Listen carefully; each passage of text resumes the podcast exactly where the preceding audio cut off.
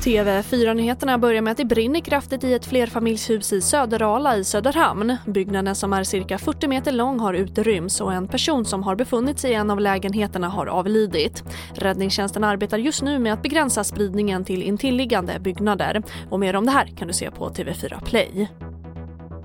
Och omkring en halv miljon människor har nu evakuerats på grund av bränderna i den amerikanska delstaten Oregon. På bara några dagar har elden slukat ett betydligt större område än en normal brandsäsong. Samtidigt fortsätter dödstalen i det brandhärjade Kalifornien att stiga.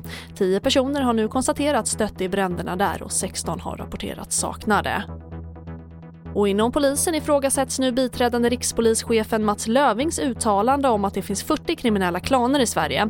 Det visar rundringningar som både SR och DN gjort. Det finns en hemligstämplad underrättelserapport om organiserad svensk brottslighet som pekar ut flera släktbaserade nätverk. Men långt ifrån alla i släkten är per automatik kriminella enligt kritikerna som menar att Lövings tolkning är för generaliserande. Och det var det senaste med TV4 Nyheterna. Jag heter Charlotte Hemgren.